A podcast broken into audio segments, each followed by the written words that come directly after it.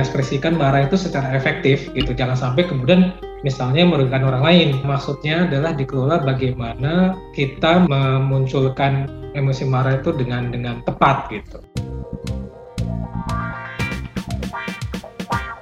Disko, diskusi psikologi.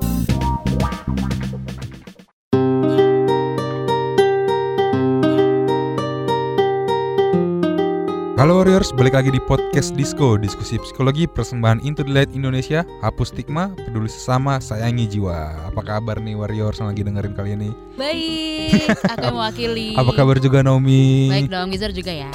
Ya alhamdulillah. Syukurlah. Eh hari ini kamu udah berapa kali ketemu orang yang bikin kamu emosinya nggak stabil, nggak kayak marah-marah gitu? Hari ini ya, gak tau sih gue tuh jarang marah soalnya. Masa sih? Iya, gue jarang marah sama orang, kecuali sama adik gue yang kalau susah bangun. Oh, Susah bangun, dimarahin nyokap, ngomelnya ke gua. terus jadi lo tuh tempat eh, apa namanya pelampiasan marah doang ya? iya bisa dibilang. Masa nggak pernah marah nggak mungkin lah, emang dewa. Enggak, gue gue sumpah gue jarang sama orang, jarang marah sama temen. Tapi gue justru malah jadinya marah ke diri sendiri kadang-kadang. Oh, kalau paling marah tuh marah karena apa? Bizar. Biasanya. eh kemarin sih gara-gara puasa adek gue susah dibangunin sahur. Itu doang. Iya. Ya elah receh banget. Kalau lu kalau lu sendiri gimana nom? Kalau gue sih nggak pernah. Ya sama aja. Nggak pernah sekali. Oh gimana tuh? Pasti emangnya? dong sering kalau paling marah itu paling sama sama pasangan ya Ah. itu pasti kalau marah itu soal hal yang sepele terus juga kadang yang nggak sepele banyak lah Hmm. namanya juga marah pasti variasinya banyak nah ini ini kita mau ngebahas Tentang soal cara kita tuh gimana sih biar Iya. kita tuh bisa mengendalikan amarah, amarah. gitu kan kayaknya orang pemarah nih kok nggak bisa mengendalikan emosi banget gitu ya. nah itu kadang kita juga nggak ngerti ya kita kok marah-marah nggak Iya. jelas gitu kan Tapi daripada kita ngobrol sambil marah-marah nih ya. Ada siapa nih nom di sini sambil buat dengerin kita ngobrol? Oke, hari ini kita ada Mas Aris Yulianto SPSI MSI selaku Kepala Prodi Psikologi Fakultas Humaniora dan Bisnis Universitas Pembangunan Jaya. Halo Mas Hai, Mas Aris, Aris. apa kabar? Halo. Baik, gimana Naomi Bijar? Baik, baik. Baik juga? Alhamdulillah. Baik. Alhamdulillah luar biasa nggak? Lanjut oke lanjut. Yuk bisa yuk. Oke, Mas Aris, em, kalau tadi kita ngomongin soal marah-marah Iya. gitu kan, pasti setiap Iya. orang pernah marah lah, nggak mungkin nggak pernah kan. Eh, Sebenarnya kalau kita memanage marah kita atau anger management itu seperti apa sih, Mas? Oke, jadi marah itu kan sebetulnya sesuatu yang semua orang bisa alami. Istilahnya wajar. Yang sebetulnya kalau bicara anger management adalah bagaimana kita bisa mengekspresikan marah itu dengan efektif. Jadi sebetulnya mengelola marah itu bukan memendam marah ya, tetapi bagaimana kita bisa mengekspresikan marah itu secara efektif gitu. Jangan sampai kemudian misalnya merugikan orang lain gitu. Hmm. Jadi eh, maksudnya adalah dikelola bagaimana kita mem- memunculkan emosi marah itu dengan dengan tepat gitu. Kalau contoh gampangnya gimana sih, Mas? Yang marah efektif itu tuh? Marah efektif. Heeh, gimana ya, jadi tuh? ya kalau yang kalau yang tidak efektif sampai kita apa ngamuk-ngamuk teriak-teriak lempar barang gitu Hmm. kan Heeh. mukul orang gitu kan nah itu nggak efektif Pak. yang yang efektif kita marah tapi kemudian kita komunikasikan dengan asertif gitu Jadinya Saya- gimana misalnya tuh? saya ini sedang marah loh gitu kan Uh, Hmm. misalnya misalnya tadi Naomi sama Bijar janjian gitu kan. Untuk kemudian- marah-marah bareng? Enggak gitu, enggak gitu. Naominya nggak nggak apa namanya nggak datang datang gitu. Di kontak-kontak Oh. Bijar di kontak-kontak gitu kan. Nggak nggak nggak dibalas juga. Kemudian pas Naomi datang telat gitu kan Bijar ngapain nih? gitu. Apa kamu kamu teriak kamu gila lu Naomi telatnya berapa jam gitu kan misalnya. Hmm. ya kan nggak efektif. Kalau yang efektif itu Naomi kan kita udah janjian gitu kan. Hmm. jam 10.30 misalnya kok belum datang. Agenda kita nanti nanti apa namanya kacau nih gitu Hmm. nah seperti itu sebetulnya kalau bicara uh, anger management ya, mengekspresikan marah dengan dengan efektif gitu jadi Oh. tidak merugikan orang lain Tapi ada juga orang yang diem gitu kalau lagi marah. Nah itu efektif nggak mas? Kan nggak nggak bikin jadi tambah runyam kan? Nggak tambah masalah Iya, baru iya, kan? benar-benar. Jadi kadang kita eh, mikir gitu ya, lagi marah, marahnya gue tuh diem. Ya udah lo, udah ikutin aja permainan gue, gitu kan? Itu gimana tuh mas? Kalau marah tipe begitu tuh gue sih. marah marah diam itu juga sebelum nggak efektif ya karena Nah, marah itu perlu kita komunikasikan jadi orang lain yang istilahnya menyebabkan kita marah juga tahu gitu Hmm. bahwa kita sedang marah. Tapi tadi ya, jangan jangan di, yang sampai merugikan orang lain, Oke. gitu. Atau bisa juga merugikan diri sendiri, gitu. Tadi bisa melukai orang lain, misalnya sampai lempar handphone, gitu kan, lempar barang yang lain. Oh. Gitu. Jadi kalau diem sebetulnya juga nggak baik ya, dipendam itu juga nggak baik juga. Gitu. bisa jadi diem itu adalah sebetulnya dia semacam memberikan jeda gitu Hmm. supaya marahnya tidak meluap-luap. Oh, Tapi tadi tadi tetap harus disampaikan juga bahwa uh, dia tuh marah gitu. Nah, kan berarti bisa dibilang marah itu kan emosi yang wajar ya bagi kita Iya, manusia gitu. Tapi emang bener sih harus dikontrol gitu. nggak bisa yang semena-mena, nggak bisa yang seenaknya gitu. Gara-gara kesel mukulin orang kan nggak gitu juga kan. Hmm. Tapi seberapa penting sih eh, Mas Mas Aris eh, seberapa penting Iya. sih anger management ini? Oke, ya kalau dibilang seberapa penting, sebetulnya penting tadi saya bilang jangan sampai kemudian kita salah mengekspresikan merugikan diri sendiri atau orang lain gitu. Tadi Ya. eh, lempar handphone yang rugi siapa? Ya rugi Kita. kita nggak bisa handphonenya beli lagi kan, gitu rusak gitu. Atau tadi misalnya bisa juga kita eh, kemudian mukul tembok atau mukul kaca, Hmm. kacanya pecah, kemudian misalnya pecahan kacanya kena tangan gitu kan, yang luka, juga yang rugi luka ya. juga gitu. Bahkan sampai mungkin kehilangan nyawa bisa juga. Oh iya. Hmm. bisa bisa berikan diri sendiri atau orang lain. Jadi pentingnya seperti itu, jangan sampai kemudian ada yang dirugikan. Gitu. Tapi gimana cara kita untuk bisa nggak sampai merugikan diri kita pas lagi marah gitu mas? Karena kan kalau orang lagi emosi marah bawaannya tuh wah, terus udahnya baru sadar baru "Ah, ya kenapa tadi gue jadi marah Iya. ya gitu. Itu gimana tuh mas? Biar nggak sampai ke Oke. situ. Ya, eh, sebetulnya paling ya paling pertama sebetulnya kita kenali eh, saat-saat ketika kita mulai marah, maksud mengenali. Bisa dengan apa ya reaksi atau respon fisik. Biasanya kalau marah itu kan berbeda ya, mungkin eh, kita merasa denyut jantung lebih lebih kencang gitu kan, Hmm. kemudian Hmm. mungkin ada beberapa orang mendapat gemetaran, ada yang berkeringat. Nah, ketika kita merasakan bahwa kita akan marah, kayak tadi misalnya Nomi bijar janjian tapi nggak nggak datang gitu kan, Mm-mm. datang tepat waktunya. Bijar kan sebetulnya kayak mau apa namanya gunung-gunung merapi mau meletus gitu. nah, ketika sadar itu mau meletus, nah langkah langkah Ya. berikutnya misalnya adalah biasanya paling gampang coba hi- berhitung 1 sampai 10. Harus sampai 10 mas, nggak bisa kurang. ya, Oh, satu, Oke, satu. dua. Tapi nggak bisa 10 sampai 1 mas, oh, nggak bisa. satu ke mana? sebetulnya memberikan mundur jeda dong. sebetulnya. Oh Ah. gitu. itu satu satu sepuluh- satu sampai sepuluh itu memberikan jeda supaya tadi ya yang yang kayak Aha. mau kayak gunung meletus itu reda dulu gitu. Atau bisa juga kalau nggak hitung satu sampai sepuluh Mm-mm. kalau punya kayak semacam squeeze ball gitu yang di, di apa namanya diremas-remas atau Hmm. misalnya kalau di kantor punya kayak semacam bantal gitu Hmm. buat dipukul-pukul gitu. Itu juga bisa atau Fidget spinner tuh misalnya fidget spinner. atau misalnya bisa apa namanya eh, tarik napas ditahan kemudian lepaskan gitu atau napas sampai beberapa kali 5 sampai 10 kali gitu Hmm. atau bisa juga tadi misalnya ketik biasa kalau tadi benar-benar bereaksi mau marah itu kan ketika lihat Naomi datang gitu kan Hmm. bijar gimana nih bisa juga kemudian bijarnya misalnya keluar keluar ruangan keluar dari situasi yang bisa menyebabkan marah cari ruangan yang bisa lebih terbuka gitu jangan malah yang sempit ya Iya, iya. terbuka, ruangan terbuka gitu, kemudian untuk menenangkan diri istilahnya gitu.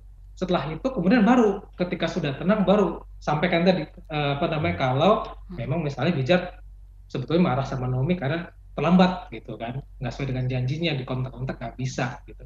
Jadi Hmm. sebetulnya itu cara cara-cara yang bisa dilakukan supaya istilahnya emosinya tidak atau marahnya itu tidak, tidak meledak ya, tidak merugikan orang lain gitu. Oh itu sedikit tips dari Mas Aris gitu ya. Hmm. Tapi penyebab orang marah bisa terjadi karena faktor tunggal nggak, menurut Iya, Mas Aris? Karena banyak Iya. orang kayak misalnya Mhm. dikata-katain terus bilang, "Ah, terus marah. Ah, gitu doang marah lu." Padahal kan Baper. baper lu. Padahal kan kadang Baper. kalau kalau kita pikir-pikir Hmm. ya masalah dia cuma bukan masalah dikatain doang, mungkin ada Hmm. masalah lain di Iya. belakangnya gitu. Itu gimana tuh Mas Iya. Aris?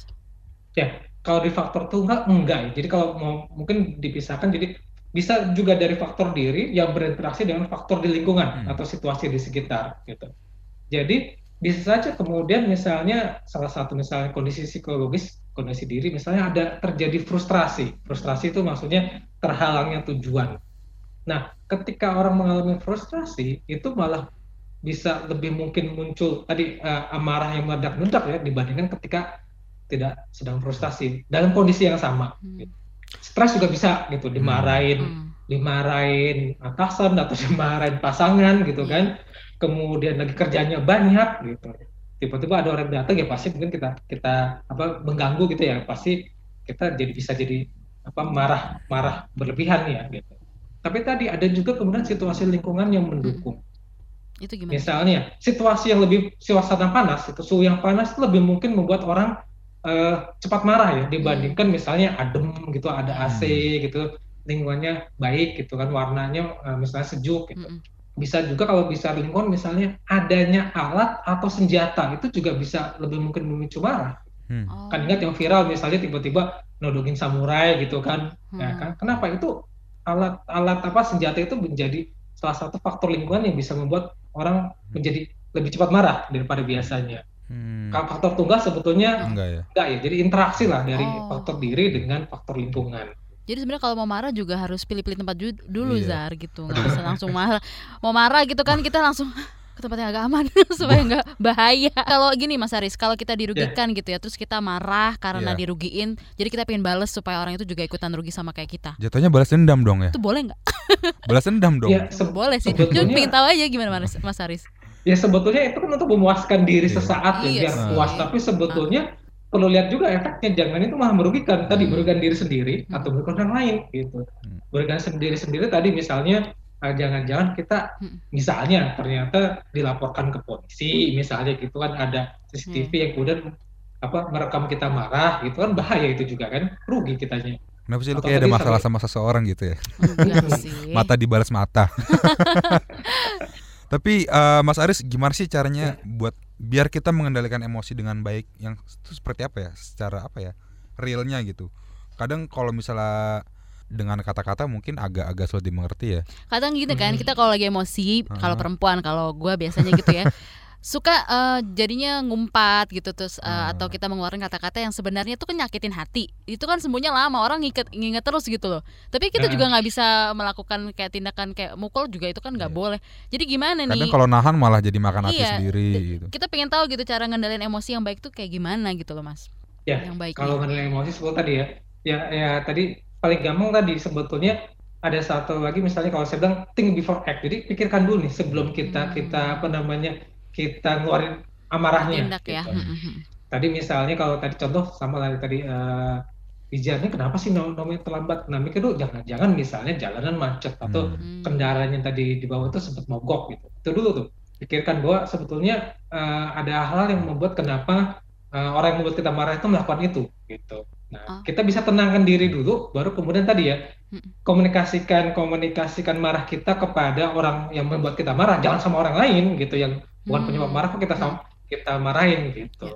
Hmm. jadi jangan langsung eh, apa ya sama negatif thinkingnya kita Iya. gitu ya mas ya Ya, iya, iya. Kecuali kalau lu terlambat, positive thinking kecuali kalau lu terlambat datang-datang senyum-senyum ketawa-ketawa baru itu perlu dicurigai kayaknya emang sengaja sih. Oh bisa jadi. Tapi Mas kenapa sih ada orang yang marahnya tuh sampai lebay atau Iya. berlebihan Eh, gitu sumpah, dan Waktu Susah SD, dikendalin. waktu SD, jadi ada beberapa teman gua Hmm. yang kalau marah tuh kayak orang kesurupan. dia memang kayak gitu atau bisa bilang berlebihan Iya. juga kan? Itu gimana Mas? Ya, mungkin kalau kalau bahasa sekarang tuh kayaknya kalau cepat marah tuh kayak sumbu pendek gitu istilahnya gitu ya. Sumbu pendek. Baru sedikit aja langsung langsung marah gitu. Nah, kenapa? Ya sebetulnya tadi kalau kita bicara dari awal anger anger management, jadi bisa jadi dia tidak melakukan itu. Tadi minimal itu think before act. Jadi pikirkan dulu. Gitu. Jangan udah langsung bertindak karena kita nggak belum bisa mikirkan Mm-mm. ini kenapa dilakukan ini atau kalau saya melakukan ini dampak orang lain apa. Gitu. Oh. Jadi Hmm. eh, bisa jadi eh, hal-hal itu yang tidak dilakukan sehingga dikit-dikit gampang marah gitu atau bahkan tadi berlebihan ya sampai teriak-teriak gitu kan Iya, sampai iya. merusak barang gitu kan bahkan misalnya sampai bakar rumah atau membunuh orang gitu. Ada sih yang Oh, begitu ada. kadang di, di berita. Ada, oh, di berita, begitu. iya. Tapi ini makin seru sih Iya, karena gokil. orang kan semuanya juga Iya, pasti iya, pernah lah iya. ya marah cara kita ngendalinnya gimana. Nanti kita mau lanjut lagi. Sebelum kita lanjut lagi kita bakal break dulu Warriors. Disko, diskusi psikologi. Oke Google, cariin apa yang lagi trending sekarang dong. Yang lagi viral, yang lagi hits. Aduh kamu ini tahunya cuma nyur doang Lah, dia nolak. Aku bilangin Siri nih. Ya sudah-sudah jangan ngambek dong Kamu cukup buka KBR Prime titik ide Lalu cari what's trending Semua dibahas tuntas dengan narasumber yang kredibel Jadi bisa buat referensi kamu Wah iya nih, keren banget ya. Setiap hari lagi. Betul, dari Senin sampai Jumat Jangan lupa hanya di KBR Prime titik ide Atau di aplikasi podcast lainnya Makasih ya Mbah Google. Hei kamu ini, saya masih gadis, kenapa dipanggil mbah? KBR Prime, podcast for curious mind. Anda sering gelisah, tidak bisa tidur nyenyak, selalu merasa ada yang merasuki pikiran Anda. Ini bukan iklan horor atau cerita seram, Anda mengalami hal seperti itu, Anda pasti ketinggalan berita terupdate yang lagi ramai diperbincangkan. Gak mau kan dibilang ketinggalan berita?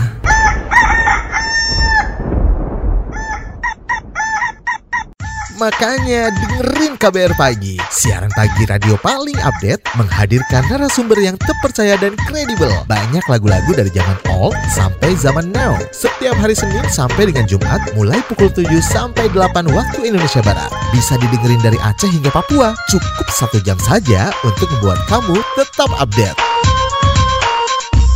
Woi, ayam siapa nih? Berisik, saya mau dengerin kabar pagi. Disko, diskusi psikologi. Oke Warriors, tadi kita bahas tentang masalah manajemen amarah, cara mengontrol diri saat marah gitu. Hmm. Sekarang kita bakal giliran untuk bacain pertanyaan dari para pendengar Disko nih. Yang pertama ada dari ada Setia di Bandung. Kalau orang susah marah tuh it's a good sign atau malah tanda yang bukan hal yang baik gitu. Katanya emosi kalau ditahan bisa berakibat buruk. Time bomb kayaknya. Iya kadang-kadang orang yang nggak bisa marah justru kayak nyimpen bom buat diri sendiri gitu loh. iya. Ujung-ujungnya marah marah nggak jelas. Ya. Gimana mas Aris? Jadi, jadi mungkin susah marah tuh sebelum marah mungkin dia alami cuma dianggap susah marah karena kita sebagai orang di orang-orang di sekitar dia tidak tidak pernah tahu bahwa dia marah gitu dia tidak pernah ungkapkan jadi kalau ditanya uh, gocan apa enggak sebetulnya jangan-jangan dia mendam marah ya kalau memendam marah kan sebetulnya bukan sesuatu yang baik juga gitu Hmm. memendam marah itu tidak baik. Kenapa? Nanti suatu waktu bisa bisa meledak-ledak gitu itu banyak kejadian. Kayak misalnya oh biasanya dia nggak marah tapi ketika marah itu meledak-ledak tadi bisa bisa merugikan orang lain atau bahkan diri sendiri. Bahkan kalau beberapa studi memendam marah itu sebetulnya juga bisa bisa menyebabkan gangguan-gangguan psikologis ya. Kalau terlalu lama terlalu sering itu misalnya bisa jadi depresi gitu kan kalau secara psikologis secara fisik misalnya juga bisa penyakit jantung juga bisa begitu karena memendam memendam marah itu padahal marah itu harus disampaikan tapi jangan sampaikan tadi dengan dengan apa namanya Dengan marah-marah. eh, iya marah-marah yang berlebihan Iya. gitu Ini ada lagi yang curhat nih kak. Dia bilang dari Tama di Bali. Pacar saya kalau ada masalah sama orang lain marahnya ke saya. kalau kayak gini gimana kak? Obrolin dong baik-baik sama pacarnya. Sabar ya Tama ya. Nah, tapi ini mungkin juga sering terjadi ya gitu. Jadi selalu nggak bagus juga gitu marahnya sama siapa kok kemudian yang dilam istilahnya lampiaskan sama pacarnya gitu. Hmm. Nah, kenapa gitu? Kalau dugaan saya karena pacarnya itu menganggap bahwa eh, dia punya kuasa terhadap kamu tuh, Waduh. punya kontrol terhadap kamu gitu. Jadi akan lebih mudah mengeluarkan marahnya dan bisa jadi mungkin kamu nggak pernah nolak gitu bahwa kok marahnya ke saya dia diem diem aja gitu. Nah kenapa nggak marahnya sama yang penyebab marah bisa jadi karena pacarnya menganggap bahwa yang penyebab marah itu tidak apa namanya kuasanya lebih tinggi. Hmm. Misalnya sebetulnya marah sama orang tuanya, tapi kan nggak mungkin dia mau marah sama orang tuanya nanti dipecat jadi anak, nggak dapat warisan, dis- dikusir gitu kan. Atau marah sama gurunya ini gurunya ngasih tugas banyak banget gitu kan. Ya kalau dia marah-marah bisa dikeluarkan dari sekolah gitu. Nah, gimana cara ya udah dilampiaskan kepada orang yang yang bisa dikontrol tadi Hmm. pacarnya itu gitu. Tapi itu juga juga nggak baik ya. Jangan jangan sampai nanti kamu jadi sansak sansak gitu. Nah. Jadi kalau kalau bahkan misalnya sampai menyebabkan kekerasan fisik ataupun psikologis yang berlebihan, ya kalau saran saya ya hubungannya diberhentikan aja.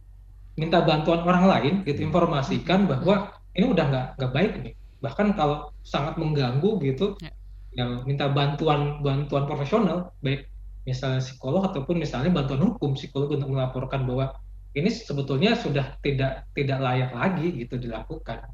Jadi jangan jangan ditolerir lah kalau kalau seperti itu kalau menurut saya. Tapi mungkin sebelum bertindak lanjut yang ke masalah hal lebih serius, obrolin dulu kalian sama pacarnya ya. Kok kamu Iya. gitu? Tapi mungkin si bilang- pacar ini juga merasa si Tamanya ini Ah. udah ini kali ya Mas ya saking sabarnya. Tapi dia harus ngapain gitu? Dibiarin Iya, aja iya. pacar yang marah-marah. Nggak usah di Eh, tadi gimana-gimana sampaikan dia sebetulnya Sampaikan sampaikan aja. bahwa sebetulnya dia tidak tidak tidak apa ya tidak terima kalau kok marahnya jadi pel- jadi dilampiaskan ke dia sendiri gitu. Oh. Nah, sampaikan seperti itu aja gitu. Oh, Oke. Tapi jangan dibalas ya, jangan udah dalam jadi lawan malah nggak selesai nanti. Jadi debat kusir ya. Nah Hmm. pertanyaan selanjutnya nih dari Yanti Sabar dan marah itu kan watak ya Atau emang bisa diubah Butuh Hmm. bat- butuh waktu berapa lama sih buat orang bisa Ngubah dari eh, Dari seorang pemarah jadi seorang penyabar Itu sebenarnya bisa diubah atau emang udah aslinya begitu nggak bakal bisa diapa-apain lagi Iya, itu gimana, sih, Mas? Oke, eh, kalau namanya orang sebetulnya bisa diubah gitu Hmm. tahu cara. Tapi saya bilang dulu, apakah berarti yang penyabar itu baik? Kalau menurut saya penyabar itu juga bukan sesuatu yang baik. Tadi Hmm. jangan-jangan dia memendam emosi gitu. Hmm. Baik bagi orang di sekitarnya, tapi nggak baik bagi dia loh. Hmm. Apalagi pemarah ya. Kalau pemarah kan berarti sedikit-sedikit aja kemudian jadi apa namanya meledak-ledak gitu ya. Jadi yang sebetulnya yang baik adalah bisa mengontrol atau menge- mengekspresikan Dikendalikan gitu ya? dengan baik ya gitu. Jadi eh, tadi saya bilang dengan baik adalah kita sampaikan marah tapi dengan dengan jangan sampai merugikan orang lain gitu. Kalau ditanya berapa lama, nah ini tergantung usahanya apa, kemauannya apa gitu. Kalau misalnya misalnya minta bantuan kepada profesional, misalnya pada Hmm, psikolog gitu, atau psikiater atau dokter gitu ya, mungkin bisa lebih cepat ya kalau biasanya misal dua sampai tiga kali pertemuan mungkin sudah bisa. Tapi kalau cara lakukannya sendiri gitu ngelakuin sendiri kan jadi susah ya maksudnya eh, kita nggak tahu bahwa ini sudah sudah apa sudah berubah atau belum. Hmm. Tapi intinya tadi ya pemarah itu nggak baik, penyabar itu sebetulnya nggak Hmm. baik. Gitu. Jadi sampaikan marahnya itu dengan efektif. Gitu. Nah Mas Aris terakhir nih Ya. Ada pesan-pesan yang ingin disampaikan untuk para warriors yang mungkin punya isu dalam mengendalikan amarahnya Ada pesan-pesan untuk orang Pesan tips saya lah tadi, gitu ya. tips Hmm. ya. Gimana nih Mas? Ya tipsnya tadi Hmm. tips saya tadi eh, seperti saya sampaikan kalau memang eh, ada situasi munculkan marah, coba buat jeda dulu. Jangan langsung di apa langsung langsung dikeluarkan. Buat jeda mulai tadi misalnya berhitung 1 sampai 10 Hmm. gitu kan. Tahan napas atau napas gitu atau bahkan tadi tarik diri dari situasi marah tersebut. Tadi misalnya cari ruangan yang lain gitu kan atau bahkan jalan-jalan dulu gitu. Tapi ketika merasa bahwa kenapa saya kok marah saya ini berlebihan ya atau mengganggu ya. Nah mungkin ada saatnya butuh bantuan profesional, kon- konseling atau ke psikolog gitu. Hmm. Atau tadi kalau misalnya kita berada di hubungan yang yang pasangan kita sendiri sebetulnya marahnya berlebihan, eh, tadi hentikan hubungannya, stop hubungannya, minta bantuan orang lain, informasikan bahwa ini sebenarnya sudah tidak baik. Itu kira-kira kalau, kalau tips dari dari saya. Hmm. Wah ini seru banget nih Warriors Yoi. perbincangan kita sama Mas Aris soal gimana cara kita memanage eh, Amarah. itu sendiri. Ada beberapa tips juga ya tadi dikasih Hmm. tahu sama Mas Aris mungkin kalau kita udah mau mulai marah, udah mau mulai Iya. meledak, Think coba berhitung act. dulu Iya. aja dari 1 sampai 10. Kalau kelamaan 1 sampai 3 cukup nggak Mas? Boleh lah ya, tawar-tawar dikit. Nawar, nawar. Kalau dari Bizar sendiri gimana? Bizar eh, kan katanya nggak pemarah nih. Mau Iya, coba iya. marah nggak? Enggak sih. Kan ada tipsnya. Apa ya? Kalau dari gue mungkin yang gue terapkan adalah think Hmm. before act ya. Think before act Kayak- itu betul kata Mas Aris juga Kayak ya. memikirkan kemungkinan-kemungkinan yang bakal bisa terjadi antara kita sendiri atau Mm-mm. apa yang terjadi dengan orang yang pengen kita marahin gitu. Hmm, jadi kalau kata tadi Mas Aris itu lebih ke pikir lagi lebih Iya, lanjut iya. gitu, jangan Ya. negatif thinking aja dulu, pikir Hmm. positifnya. Thank you banget ya Iya. untuk Mas Aris untuk Oke. waktunya dan juga untuk eh, kesempatannya Iya, di hari ini. Oke deh Warriors, sampai di sini dulu podcast Disco kali ini. Terima kasih buat Mas Aris yang udah bersedia untuk sharing pengetahuannya tentang anger management di podcast Disco kali ini. Dengan mendengarkan podcast ini, semoga kita bisa membantu menghapus stigma di masyarakat, lebih peduli terhadap orang-orang di lingkungan sekitar, dan tentunya jangan lupa juga untuk selalu menyayangi jiwa sendiri. Sampai ketemu lagi di podcast Disco episode selanjutnya. Dengarkan terus di kbrprime.id. Gue Naomi, Gue Bijar. pamit undur diri dulu. Dadah. Dadah. Disko, diskusi psikologi.